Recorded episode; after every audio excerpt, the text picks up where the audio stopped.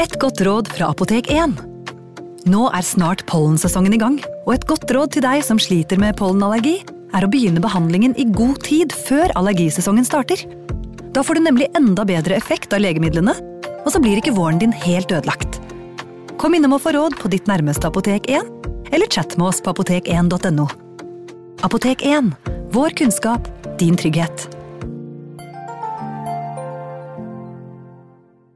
Kom og spis! Kjøkkensjefen har middagen ferdig. Vi kommer! Vi skal bare Åh, det er da så morsomt her på Stiklestad! Ja, men sjøl en god viking må ha både mat og hvile. Og dessuten kan dere nå være noen dager. Velkommen til Scandic Stiklestad. Moderne fasiliteter i historiske omgivelser. Det var her det skjedde. Det er her det skjer.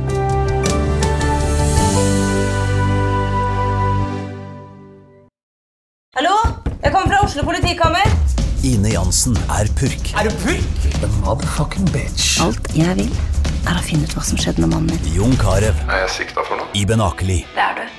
Ole So, Lars Berrum og Big Daddy Karsten. Hvem sin side er du på, egentlig? Anette Hoff, Tone Danielsen, Kommer du fra Afrika? Jørnis Josef, Nesten kløfta. Trond Espen Seim, Det er synd å si det, men det var feil mann som døde. Purk. Premiere tirsdag på TV2 Play. Advarsel. Historien du nå skal få høre, er basert på virkelige hendelser og inneholder flere grafiske skildringer av vold, drap og tortur. Vi advarer mot sterke inntrykk i deler av episoden.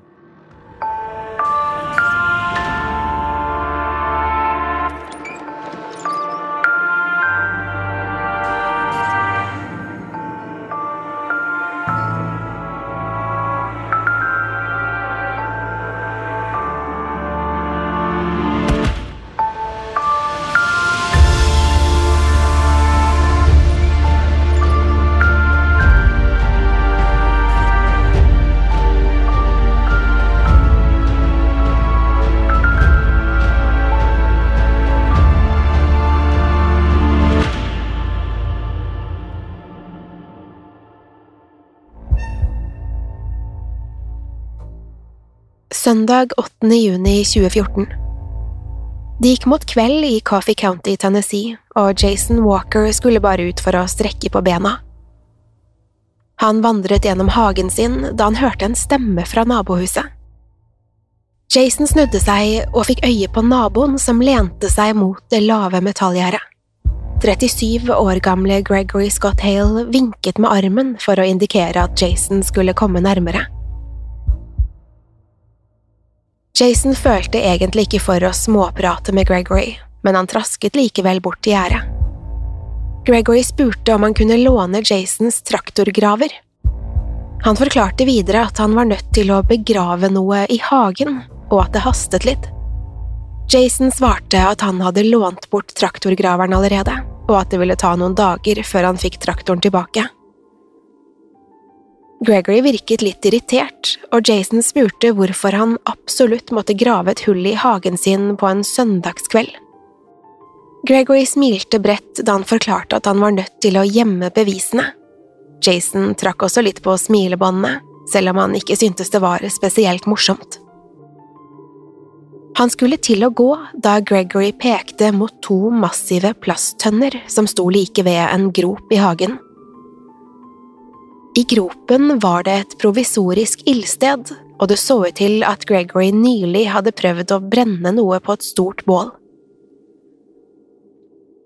Nå forsvant det påtatte smilet fra Jasons ansikt og ble erstattet med en anstrengt mine. Gregory fortalte at han hadde forsøkt å brenne bevisene, men at det ikke hadde fungert. Han planla derfor å begrave tønnene i gropen. Jason trakk seg tilbake og håpet at dette bare var et mislykket forsøk på å være morsom. Gregory var tross alt en merkelig type, som var kjent for sine spesielle og tidvis morbide interesser. Jason gikk seg en tur, men den ubehagelige magefølelsen forsvant ikke. Utover kvelden ble Jason overbevist om at Gregory hadde ment alvor. Tre timer senere spaserte Jason inn på det lokale politikontoret. Han fortalte om møtet med Gregory, om tønnene og behovet for å begrave dem så fort som mulig, Jason virket engstelig og ville at noen skulle undersøke hjemmet til Gregory med en gang. Han ble først bedt om å komme tilbake neste morgen, men Jason insisterte på at dette hastet. Jason hadde kvernet på alt Gregory hadde sagt, og ble mer og mer overbevist om at det var fare på ferde. Han fryktet nå at Gregory hadde drept noen, og følte seg ikke trygg før huset ble undersøkt. To politibetjenter tok følge med Jason til hjemmet hans. Det hadde nå blitt helt mørkt, og de forsøkte å ikke tiltrekke seg unødig oppmerksomhet mens de snek seg inn i hagen. De rettet lommelyktene mot hagen til Gregory og fikk snart øye på de to plasttønnene. En av politibetjentene fant en rake og dyttet en av tønnene nærmere før de løftet den over gjerdet. Den hadde et lokk, men de kunne kjenne at det var noe i tønnen. Politibetjentene bestemte seg for å ta av lokket for å fastslå om Jasons mistanke var reell. Så snart de åpnet tønnen, forsvant all tvil. I tønnen lå nemlig et avkappet hode og en hånd. Det så ut til å være levningene etter en kvinne.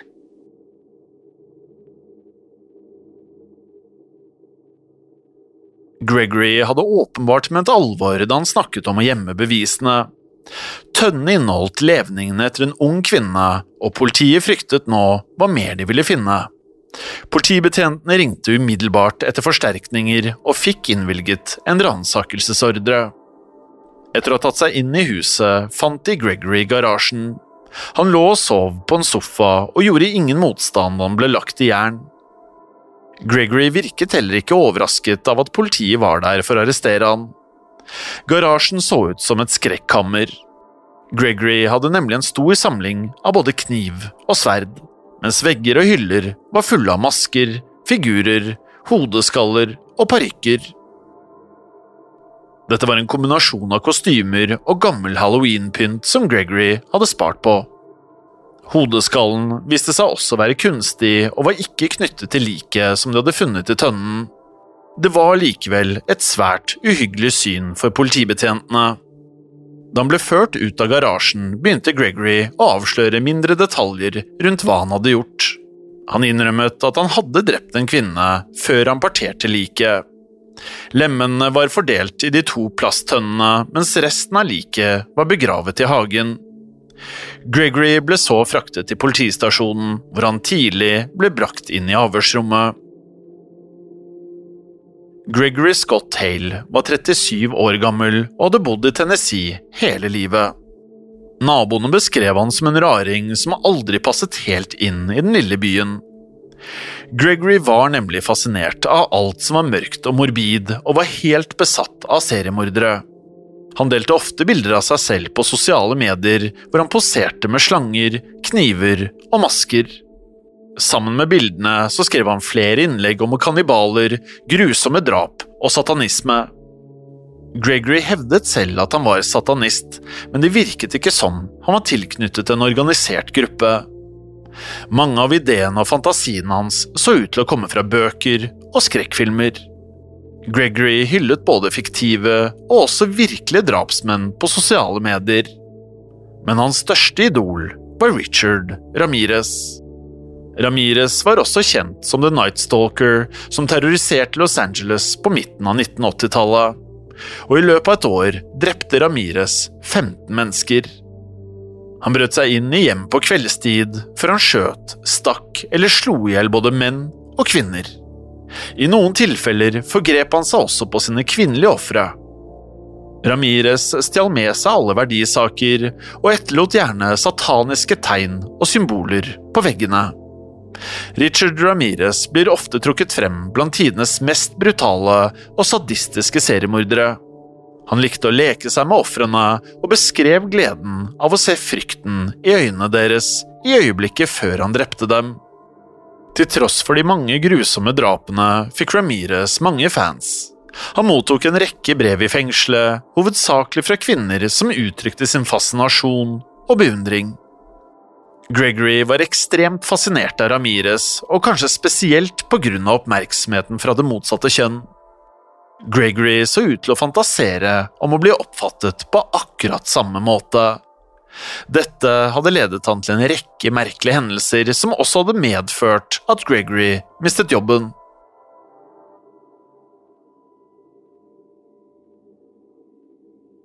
Gregory hadde jobbet på det lokale slakteriet, men havnet i trøbbel da det ble avslørt at han hadde stjålet med seg rester av dyrene. Det handlet riktignok ikke om å sikre seg gratis middag.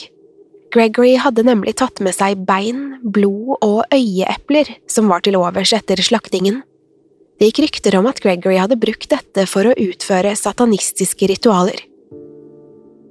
Etter å ha mistet jobben ble han tvunget til å flytte hjem til foreldrenes hus i Coffee County sammen med sin 14 år gamle sønn.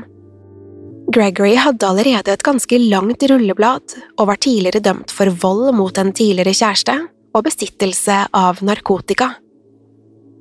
Han hadde slitt med både alkohol- og rusproblemer, men hevdet selv at han hadde kontroll på situasjonen. Gregory drakk fremdeles og tok smertestillende medisiner, men hadde sluttet å bruke metamfetamin. Likevel hadde alt gått nedover for Gregory etter at han mistet jobben. Inne på avhørsrommet ble Gregory bedt om å fortelle hva som hadde skjedd, og hvordan han hadde endt opp med et lik i hagen sin. Gregory begynte med en gang å fortelle hva som hadde skjedd, og ga uttrykk for at han ikke ønsket å legge skjul på noe. Den avdøde kvinnen het Lisa Marie Hyder. Gregory fortalte at han hadde møtt henne tilfeldig i en lokal butikk to dager tidligere. Lisa kom i utgangspunktet fra Dunlap, et lite stykke unna Coffee County. Hun var 36 år gammel og hadde i likhet med Gregory slitt med rus- og alkoholproblemer.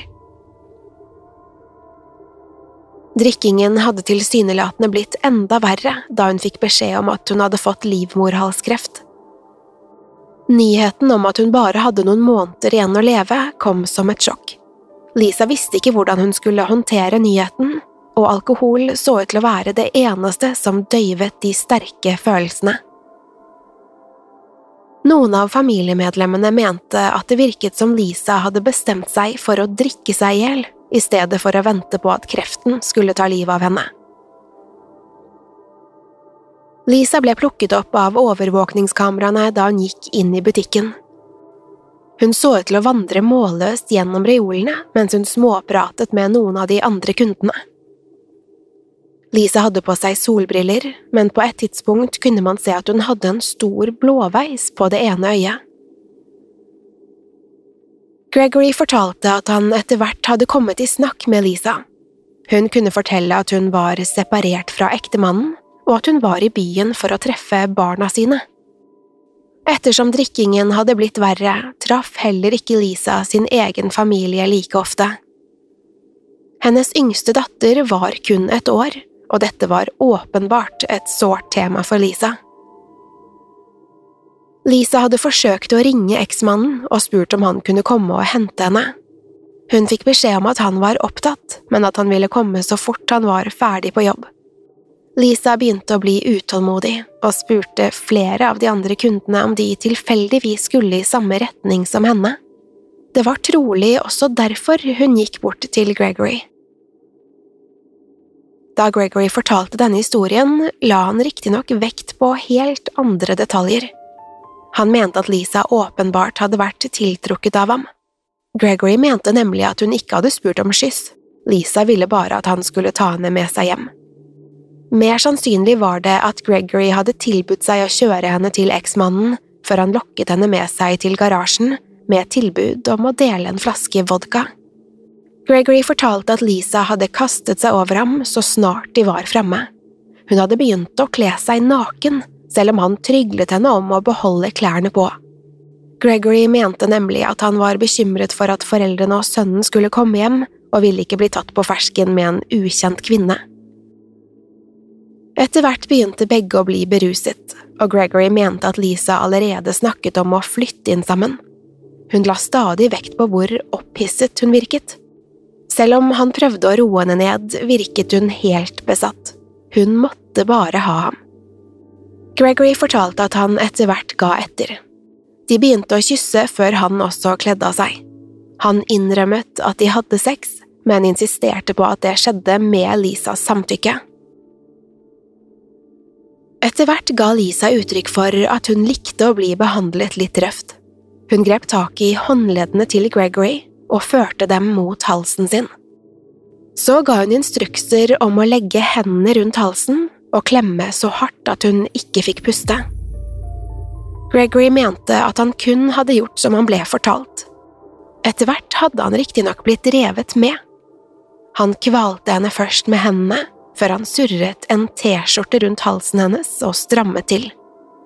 Gregory innrømmet at han kanskje tok i hardere enn han hadde tenkt, og før han visste ordet av det, lå Lisa der helt livløs. Ifølge Gregory hadde aldri Lisa gitt uttrykk for at hun var i ferd med å miste bevisstheten. Han mente derfor at det i like stor grad var hennes skyld at denne leken hadde gått for langt. Resultatet var uansett at Lisa hadde sluttet å puste. Gregory hevdet at han hadde klapset henne litt i ansiktet, før han konstaterte at hun måtte være død. Han la gjentatte ganger vekt på at det hadde vært et uhell, men etterforskerne var ikke overbevist. De fryktet at Gregory hadde bestemt seg for å drepe Lisa så snart hun satte seg i bilen hans.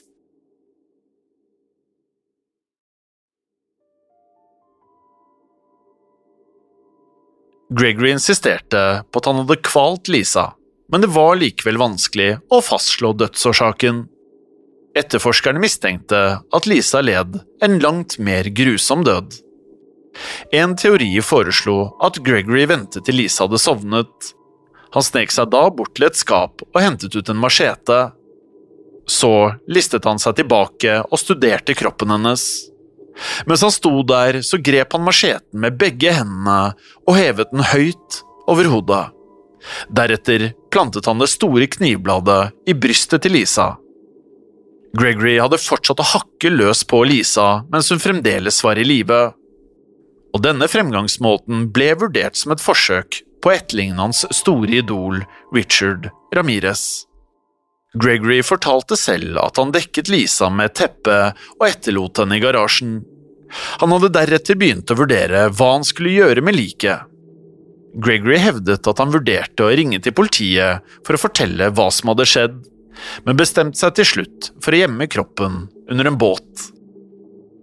Gregory hadde ventet til foreldrene la seg før han returnerte til garasjen. Her dro han liket ut på gulvet og beundret den livløse kroppen. Han bestemte seg for å legge seg ned ved siden av Lisa mens han kjente på kroppen hennes. Han fortalte politiet at han fremdeles hadde et lite håp om at hun skulle våkne igjen, men nå var huden hennes iskald. Gregory la merke til flere blødninger under huden og kjente at kroppen holdt på å stivne. Gregory hentet en kniv før han igjen begynte å studere Lisa. Han planla nå hvordan han skulle partere liket og gjøre det lettere å kvitte seg med levningene. Han hadde erfaring med dette fra slakteriet og så ikke ut til å tenke at dette var noe annerledes. Han sammenlignet seg selv med en jeger som lemlestet og flådde sitt bytte. Han begynte med å skjære over strupen hennes med en kniv. Til tross for hans tidligere erfaring så var han ikke spesielt godt forberedt. Gregory hadde ikke dekket til verken gulv eller vegger, og så snart han begynte å kutte av hodet, så fosset blodet fra såret. Han kom et stykke på vei, men innså etter hvert at kniven ikke var skarp nok til å fullføre jobben. Det gikk tregt, men Gregory hadde ingen planer om å gi opp. Han byttet ut kniven med en øks og prøvde deretter å hugge av begge hendene. Heller ikke dette var så enkelt som Gregory hadde forestilt seg. Han endte opp med å måtte knuse håndleddene, men var likevel nødt til å skjære gjennom sener, kjøtt og muskler med en kniv. Da hendene var skåret av, så gikk han løs på føttene. Timene gikk, og snart hadde Gregory klart å amputere både hodet, hendene og føttene og samtidig ble han grepet av en helt annen impuls som det stadig ble vanskeligere å ignorere. For Gregory hadde lenge vært fascinert av ideen om å spise menneskekjøtt. Selv om Richard Ramirez ikke var kjent som en kannibal, hadde Gregory flere forbilder. Kanskje var det Jeffrey Dahmer han lot seg inspirere av da han kuttet av kjøttstykker fra kroppen. Gregory brukte selv ordet som han gjerne assosierer med viltjakt for å beskrive hvordan han slaktet Lisa. Han skar biter av lårene og også ryggen hennes, og mente at dette var de beste og mest verdifulle stykkene. Politimennene kunne nesten ikke begripe det de hørte. Gregory satt der og beskrev ned til minste detalj hvordan han hadde lemlestet og partert Lisa. Det virket ikke som han forsto akkurat hvor grusomt dette var. Gregory insisterte fremdeles på at det var akkurat som å slakte et hvilket som helst dyr.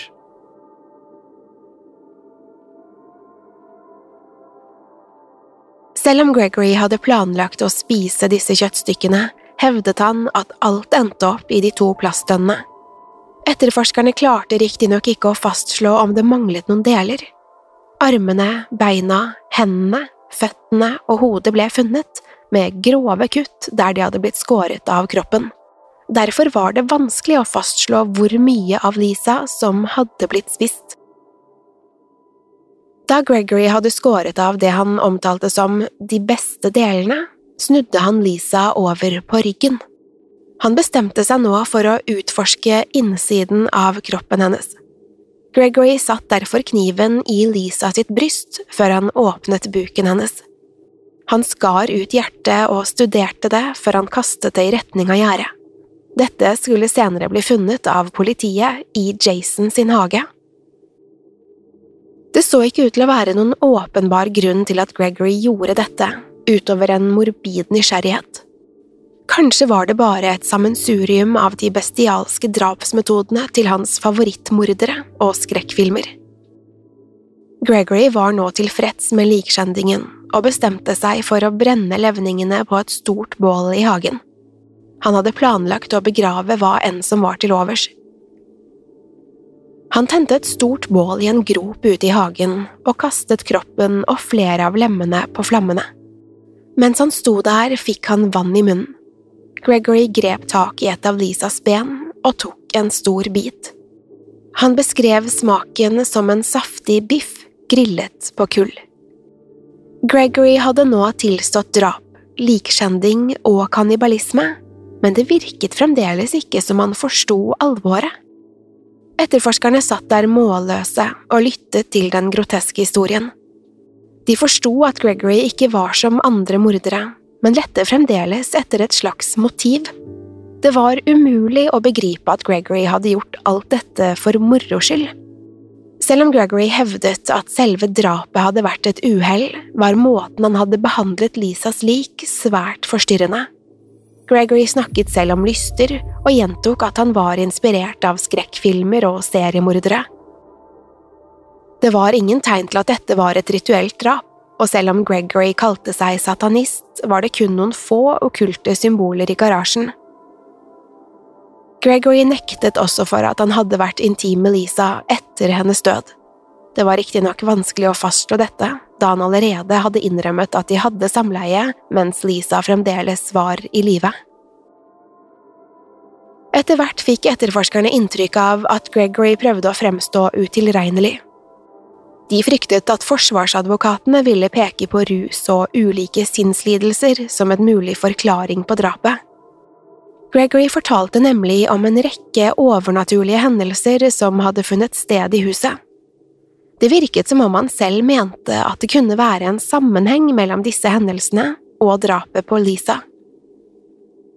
Gregory fortalte også om opplevelser med søvnparalyse, om hvordan han hadde begynt å endre seg etter å ha blitt konfrontert med det han mente var en demon.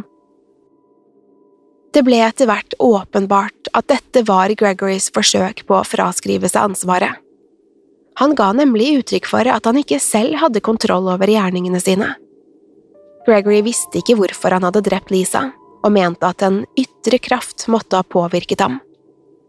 Likevel var Gregory i stand til å skildre alt han hadde gjort, ned til minste detalj.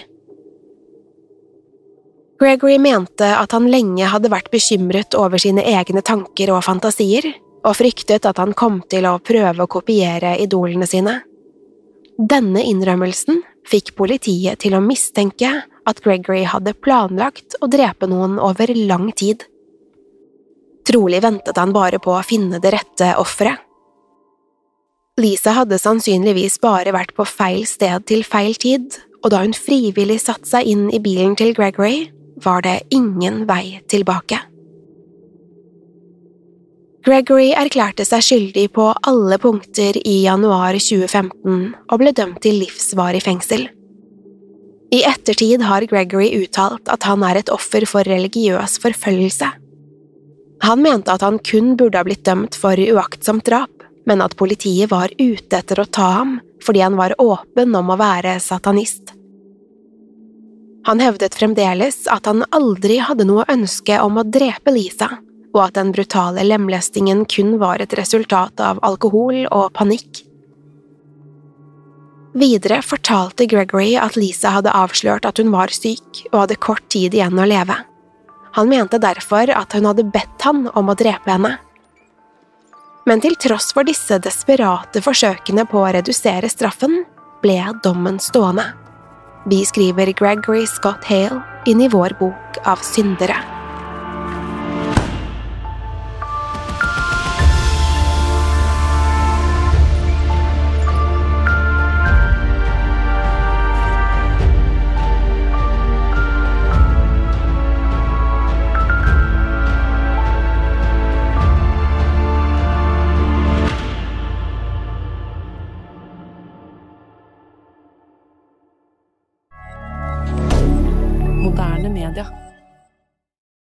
Har du et enkeltpersonforetak eller en liten bedrift? Da er du sikkert lei av å høre meg snakke om hvor enkelt det er med kvitteringer og bilag i fiken, så vi eh, gir oss her, vi. Fordi vi liker enkelt. Fiken superenkelt regnskap. Kiwi er billigst i VGs matbørs og har vært billigst i fire av de fem siste VGs matbørser. Og nå presser vi prisene på frukt og grønnsaker. På 200 gram broccolini setter vi prisen til 24,90. På 400 gram Cevita blåbær setter vi prisen til 49,90. Og husk, alle Kiwi Pluss-kunder får i tillegg 15% trumfbonus på all fersk frukt og grønt. For det er vi som er prispresserne. Og vi i Kiwi gir oss aldri på pris.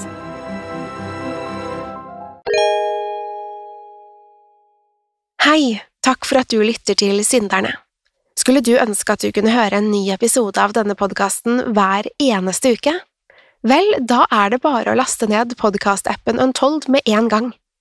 I tillegg til ukentlige episoder av podkaster som Skrekkpodden, True Crime-podden og Henrettelsespodden får du masse annet reklamefritt og eksklusivt innhold.